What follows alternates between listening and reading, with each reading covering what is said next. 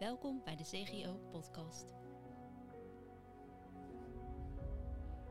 In deze podcast praten we met elkaar over verschillende thema's rondom jeugdwerk en geloofsopvoeding.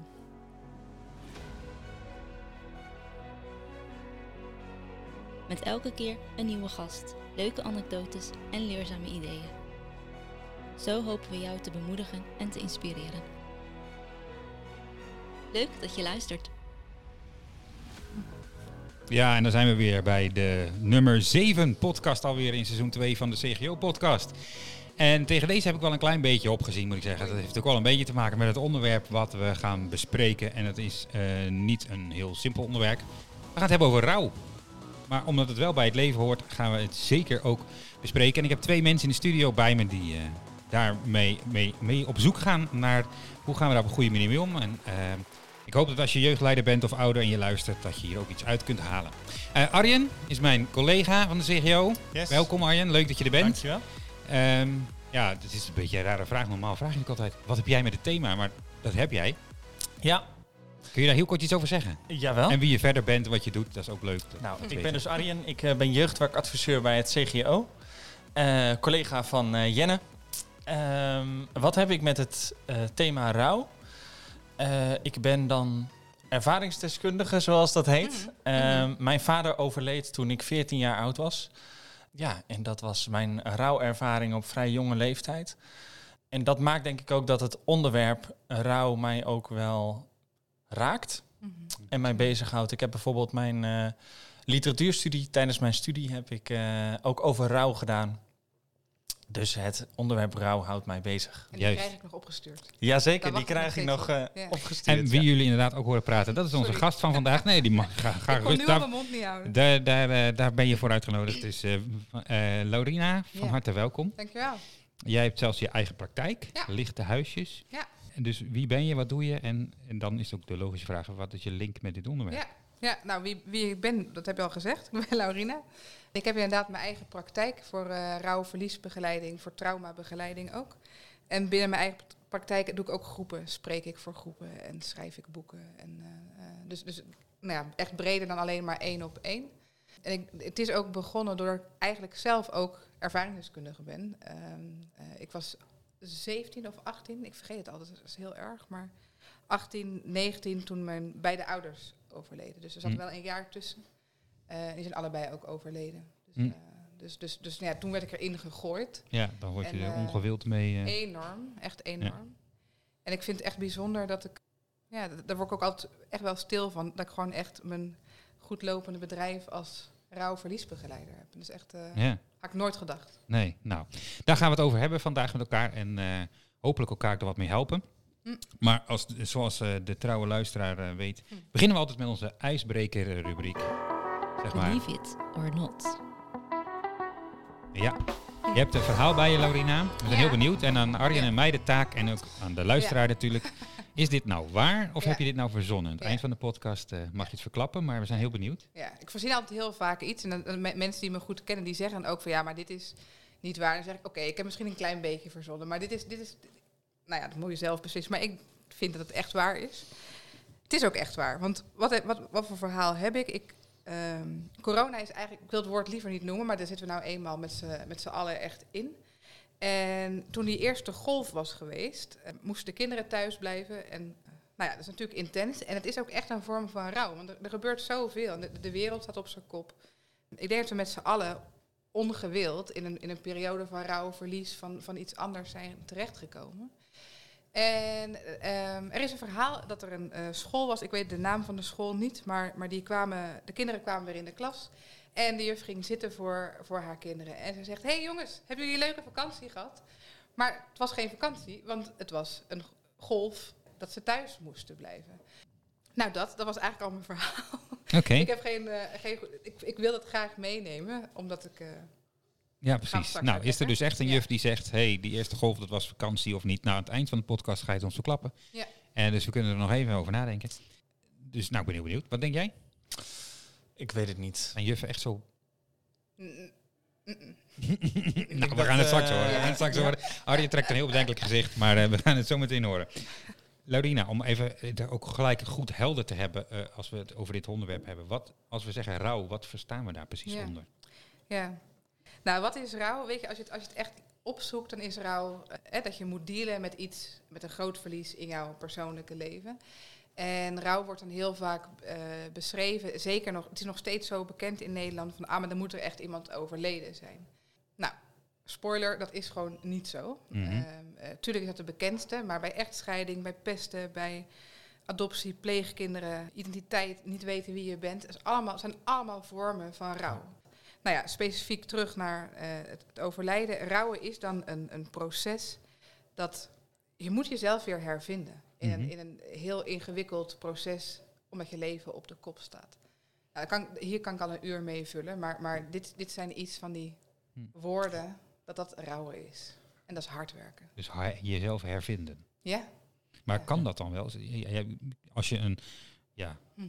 simpel verlies hebt, of je raakt je telefoon Mhm. kwijt of zo, dat is vervelend. Maar, Ja, dat is ook niet echt rouw, denk ik. maar ja, misschien.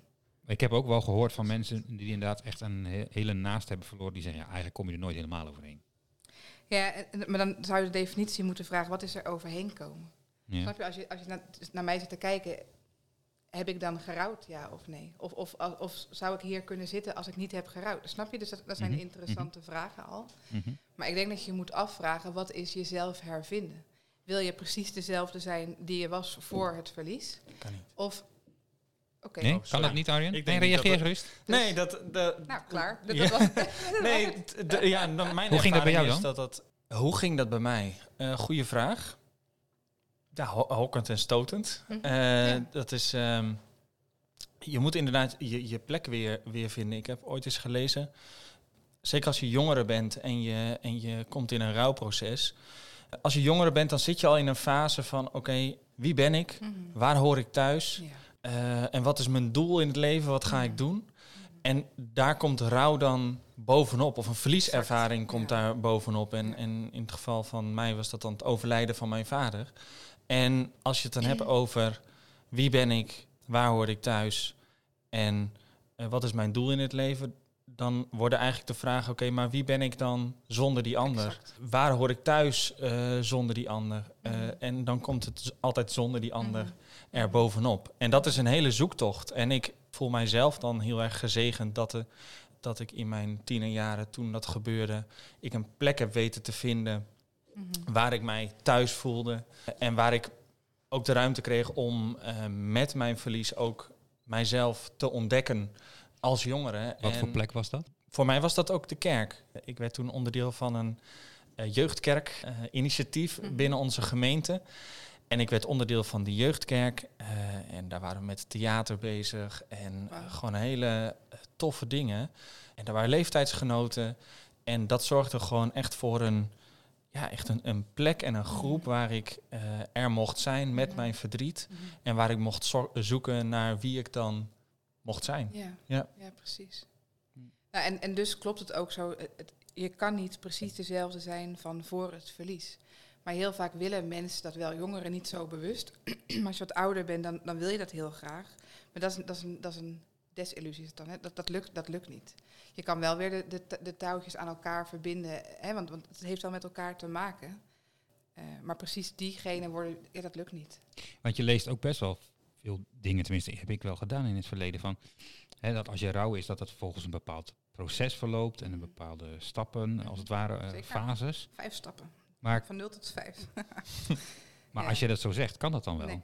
Ja, dat kan wel, maar niet, niet op, op chronologische volgorde.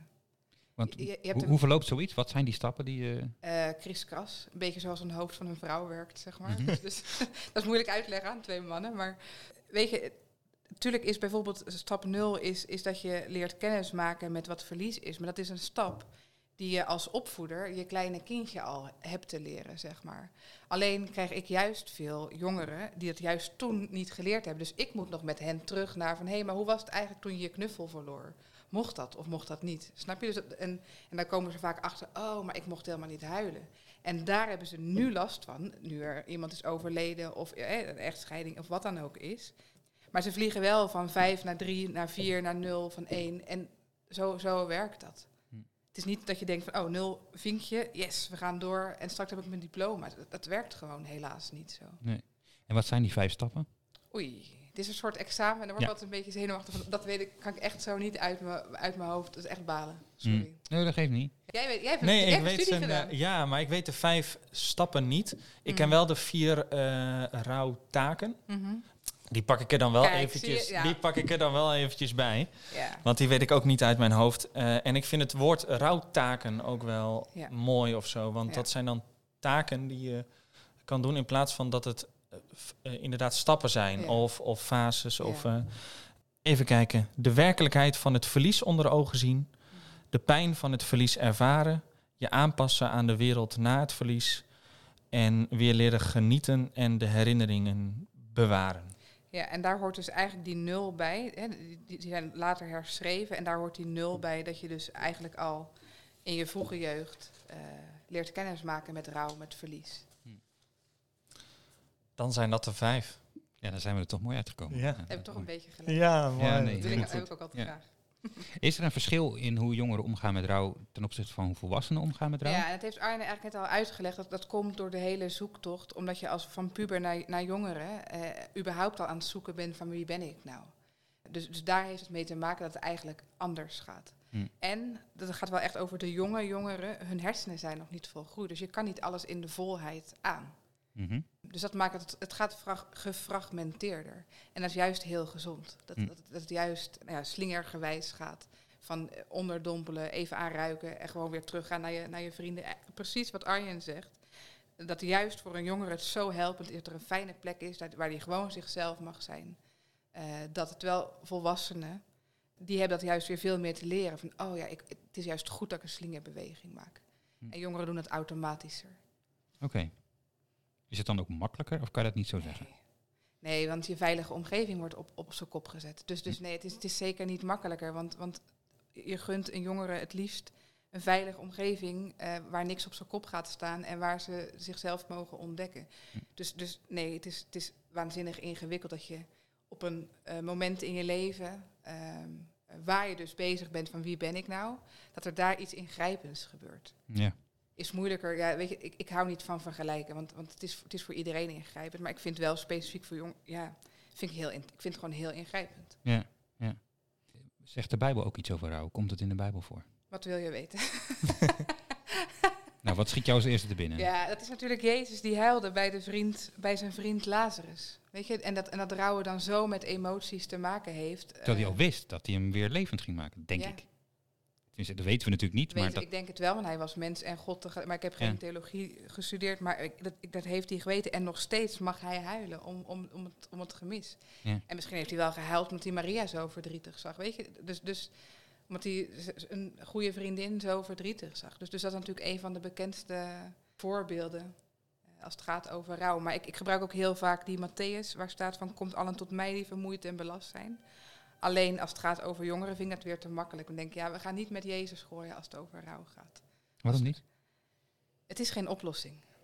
We mogen blij zijn dat hij erbij is, maar het is geen oplossing voor je verdriet, voor je rouw, voor je diepte. Daar moet je nog steeds zelf doorheen. Maar dan, eh, eh, je, je gebruikt het dan meer als een soort steun. Of als, Ja, ja. Ja, exact. Weet je, in, in, in therapie en dergelijke, en dus ook niet-christelijke collega's, we werken heel erg met hulpbronnen. Dus wat heeft jou nou geholpen, of wat helpt jou nou om te kunnen slingeren tussen het leven en de, en het- en de rouw? Dus voor Arjen was hè, die, die jeugdgroep eh, fantastisch. Ik zie, dat zie ik steeds helderder. Ik, ik vind bij ons als christenen, we hebben eigenlijk Jezus als extra hulpbron. En nog een speciale hulpbron ook. Wat ik zelf heel erg heb ervaren toen, toen ik echt liep te schelden tegen God letterlijk. Dat mocht. Snap je? Dus ik mocht boos zijn. Terwijl mijn moeder me had geleerd van, joh, wees maar niet boos. Want alles wat, wat, hè, wat van God komt, is goed. Nou, ziedend werd ik daarvan. En dat mocht bij God. Hm. Het is natuurlijk een waanzinnige hulpbron. Want, want Ja. ik, ik had gewoon iemand waar ik boos tegen kon zijn. Hm. Dus, dus, dus ja, eigenlijk een beetje oneerbiedig. Waar niet-christenen bijvoorbeeld daar heel, dat heel erg bij een paard hebben of bij een hond. Hm. Hebben wij ook. En wij hebben dan ook nog eens Jezus. Dus, dus dat is zo... Dubbel, heb jij dat ook zo ervaren? Nee, maar dat heeft ook wel met mijn verhaal, denk ik, te maken. Mm. eh, dat, dat juist in de jeugdgroep eh, mijn geloof ik heel erg aangewakkerd werd. En, en Mm. ik ook eh, niet per se heel veel boosheid of zo ervoer. Eh, mijn vader was depressief en Mhm. eh, na een lange periode van depressiviteit heeft hij zichzelf van het leven beroofd. En dat vond ik vooral heel tragisch. Zo heb ik dat ervaren. Ook toen je 14 was? Ja, Wauw. Ik weet dat mijn broers dat anders hebben ervaren. Wil ik verder niet eh, eh, helemaal... eh, eh, want dat heb ik ook niet met hun, met hun overlegd. Mhm. Maar ik had, ervaarde zelf die boosheid niet. Dus ik was ook niet, ik had ook die boosheid richting God niet. Maar in die jeugdgroep, daar ervoer ik iets van God. Mhm. Door hoe we met elkaar bezig waren. Nou, we waren ook diensten aan het eh, organiseren. En Ja. eh, dan word je ook bepaald bij God natuurlijk. En toen heb ik dat wel echt als troost ervaren. En ik heb het altijd zo omschreven van... Ja, mijn aardse vader is er niet meer. Of was er toen niet meer. Maar ik heb toen een hemelse vader gevonden. Mm. En eh, dat was wel een enorme troost voor mij. Ja, en ik denk pas op latere leeftijd dat ik dat meer ben gaan doordenken. Omdat ik eh, in die tijd het vooral dan als zegening zag. Dat Mm. ik dacht, ja, misschien is het juist wel goed dat Mm. mijn vader er niet meer is. Want Mm. anders had ik die prachtig mooie ervaring met God niet gehad. En als ik dat nu dan zo uitspreek, denk ik, ja, ik zou daar nu dan genuanceerder misschien over spreken. Terwijl ik dat toen op die manier wel zo ervoer. Ben je in het normale leven überhaupt wel eens boos? Eh, jawel, Hm. ja. Ja, ja, Ja. was ik gewoon benieuwd. Ja. Omdat het ook vaak karakter is, hè, wat, wat naar boven komt, zeg maar. En ik, ik, een andere vraag is, ben je ook nooit op je eigen vader boos geweest? Nee, Nee, nee. eh, dat is geen goed of fout. Nee. Je kijkt een soort verschrikt van... Oh nee, sorry. Ik, Nee, nee, nee, dat is. Nee. eh, nee, ik ben eh, nooit op mijn vader eh, Nee. echt boos geweest. Nee. Ik vind het wel jammer dat hij er niet meer is. Hm. Hm. Ja. Ja. Ja, logisch. Lijkt mij. Ja. Nou, we schieten al aardig op met de tijd. Hm. Dus, eh, dan is het alweer tijd voor de... De halverwege input. Een tijdje terug ben ik eh, in een vrij korte tijd ben ik een aantal leeftijdsgenoten verloren. En nou ja, bij nummer 1 wist ik hoe ik moest huilen. Of nou ja, wist ik hoe ik moest huilen. Ik huilde tenminste. En bij nummer 2 en nummer, nou ja, de volgende, wist ik dat gewoon niet meer. En ik had echt het idee alsof ik als een kip zonder kop rondliep. Maar ik had een, eh, een jeugdleider en ook nog wel andere mensen in mijn omgeving die zeiden: Huil jij wel? Eh, heb jij er al om gehuild? Eh, maar ook mensen die zeiden: Waarom krop jij dit op? Je moet hier echt met iemand over praten, want je moet hier niet mee rond gaan lopen. En toen had ik echt wel het idee dat, dat ik iets fout deed. Tja. Want ik wist gewoon niet hoe ik erover moest praten. En ik wist ook niet hoe ik moest huilen. Ik zie jou reageren. Ja, het is moeilijk om mijn mond te houden. Ja. Het is wel heel knap dat ik zo rustig al zit in 20 minuten. Ja, weet je, echt twee dingen. Heb je een vraag voor me of niet? Of Nee, ja, gang. dit is een vraag, toch? Ja. Ja, echt twee dingen. Ik denk echt dat we als, als naasten echt moeten kappen. Echt, echt duidelijk moeten stoppen met invullen wat voor een ander goed is. Mhm. Of iemand nou wel of niet huilt. Huilen is geen graadmeter of je iets goed doet of niet. Mhm. Eh, en wij kunnen niet beslissen voor een ander. Dus jij als jeugdleider kan niet beslissen voor de ander. Jij hebt echt hulp nodig. Eh, Ik word er ook oprecht een beetje boos van. En dat, dat, dat, dat is plaatsvervangende boosheid. Eh, mijn vraag aan die jeugdleider zou zijn: waarom wil je zo graag dat ik hulp ga, ga halen? Dat zou ik als puber gevraagd hebben. Nu eigenlijk nog. Want het zegt veel meer over die jeugdleider. Het zegt ook iets over bezorgdheid natuurlijk. Maar het Mhm, zegt ook mhm. iets over waarom wil je zo graag dat die ander ergens anders hulp gaat halen. Dat is één.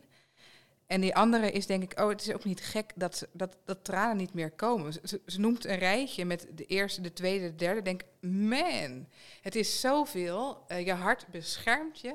Eh, eh, eigenlijk letterlijk, omdat het anders te veel is. eh, wat er allemaal uit moet. Dus het is een hele logische reactie. Ehm, want het is gewoon te groot. En, en dan noem ik heel vaak een, een kasteel. Het gaat, het gaat letterlijk even dicht.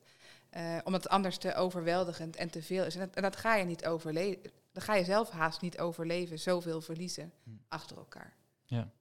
Want er wordt natuurlijk, ik heb ook wel eens meegemaakt als jeugdleider dat ik dan, tenminste het verhaal gehoord, niet zelf letterlijk, maar dat jongeren Mhm. gewoon vragen van, ben ik wel op de goede manier aan het rouwen? Ja. Wat zou je dan antwoorden? Zou ik zeggen, wat vind je zelf? Want dat is de graadmeter. Of, Een beetje. Nou, weet je, ze vragen het niet voor niks. Het is, ze vragen het of omdat ze denken van help, maar is misschien iets wat ik niet goed doe. Maar ze willen ook zo graag horen, hé, hey, maar je doet het echt goed. En, het, en het, het fijne antwoord is dat je het eigenlijk altijd goed doet. heb jij dat ook zo, eh, had je dat ook je idee in jouw proces? Nou, ik, ik, her- ik herken wel eh, de vraag van doe ik het wel goed? Toen van ik huilde ook niet veel. En dat ik me afvraag, ja, mis ik dan mijn vader wel? Eh, hield ik wel, hield ik wel, van, hield ik wel van hem? Mm. Of ehm, wat is dat dan of zo? Hè? Dus ik herken die vraag van, van, van doe ik het wel goed? In mijzelf eh, als jongere wel, ja. En wat zou je nu tegen een jeugdleider zeggen die daarmee aankomt met die vraag? Nou, wa- wat Laurina ook zegt van eh, stop met of stop. Nee, het, dat, Mm. dat het is niet, het is niet helpend om, om iemand te dicteren wat, wat hij of zij moet, eh, eh, moet voelen. Of, of eh, en dat, is, dat is misschien ook het lastige wat ik vind van zo'n eh, van rouwfases. eh, van dat je bewijs van eh, aan het begin van de podcast hadden we het erover. Ja, oké, nou je bent nu bij stap 0 of Mm. stap 2 of stap 5 of nou afgevinkt, klaar. Zo is niet hoe een rouwproces werkt. Waar ik aan moet denken, er is een boekje De vingerafdruk van het verdriet.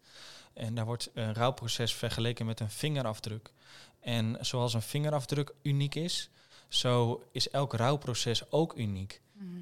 En ik zou dan aan een jeugdleider, die zou ik eigenlijk willen oproepen van zet je oren aan en, en zet je mond even uit. Eh, luister naar het verhaal van, eh, van die jongeren. Of, of geef ruimte aan die jongeren om het verhaal te doen. En als die jongeren daar gewoon ook even niet over wil praten, is dat ook oké. Mhm. Is dat dan ook de rol van een jongerenwerker? Vooral luisteren? Ja, hij vraagt het aan jou. Ja, hij vraagt aan mij. Dus Ja. ik heel, ne- ik hield heel Nou, netjes mijn mond. Ja, lu- luisteren. Ik zou zeggen, ja, jawel. Eh, je, ik vind dat je als jongerenwerker dan ook gewoon wel naast die jongeren mag blijven staan. Dat dat ook belangrijk is, zeg maar. eh. Ja, en, en de volgende vraag is weer, en wat is dan luisteren? Snap je? Want Ja. je kan pas goed luisteren wanneer je eigenlijk de vraag aan jezelf stelt van, oh, wat gebeurt er eigenlijk bij mij nu dit bij die jongeren is gebeurd? Hm. Want er gebeurt zoveel bij jezelf. Jij zegt niet voor niks dat je aan het begin zegt, volk, ik zag er eigenlijk een beetje tegenop. Hm. Blijkbaar gebeurt er veel Hm. van binnen. Dan gebeurt er bij een jongerenwerker geheid ook. Ja. Dus er zijn er heel veel mensen die zeggen, ja, maar ik heb niks ergs meegemaakt. Ook dat is een klein beetje niet altijd waar, want je hebt genoeg meegemaakt in je leven eh, waar je ongewild eh, gewoon, je, je wil er gewoon niet bij zijn. Maar dat, dat, die jongere doet wel onbewust een oproep om daar wel bij te zijn. Hm. Maar je wordt zo sensitief als jongere ook, of de ander werkelijk echt bij je aan het luisteren is, of dat iemand heel hard aan het werken is. En ja, ik ben iets re- re- meer rebels dan Mhm. Arjen, denk ik. Ja, ik was weg. Ik was echt weg. Hm. Als iemand zo hard zijn best ging doen om, maar, om het maar goed te doen en maar goed te luisteren, dacht ik, ja, joh. Doe het dat uit. ook niet. Ja, echt letterlijk. Hm. Ja. Hm. Dus het gaat zo over echt, durf jij zelf echt te zijn en dan hoef je eigenlijk niks meer te doen. Luisteren, maar dan, dan gaat het ook makkelijker. Gewoon echt jezelf zijn, dat is het. Ja. En Is, is dat ook echt een no-go? Zijn er nog meer no-go's in eh rouwprocessen bij eh, jongeren? Een no-go als in, Dat moet je echt niet doen. Hoe goed bedoeld ook, maar... ja, diegene van net dus echt zelf vertellen, maar dit moet je doen. Eh, dat moet, dat, dat, dat, ja, doe maar gewoon liever niet. Mhm. Ja, nee, er zijn niet zoveel echte no-go's. Het is veel meer van toe, ga maar, doe het maar. Ik denk dat mensen zich nog te makkelijk of te snel inhouden en dan heel druk bezig zijn van, oh, maar misschien doe ik het wel niet goed, dus laat ik het maar niet doen. Eh, je kan beter liever een fout maken dan dat je jezelf inhoudt. Dus, dus, dus je vraagt, nee, ga maar liever juist. En maak Hm. maar honderden fouten. Jongeren, eh, pubers en nog jonger, eh, die zijn zo vergevingsgezind. Maak maar honderden fouten. Hm. Maar je mond houden, dat, dat, ja, dat, dat, dat liever niet. Want dat is misschien nog wat ergste, als het eh, Het genegeerd wordt- zou het- worden. Ja, ja. Of uit verlegenheid misschien wel met de Ja. situatie. Ja, weet je, bij mij was het natuurlijk mijn beide ouders. En op een gegeven moment, nogmaals, ik was echt wel een, een, een rebel.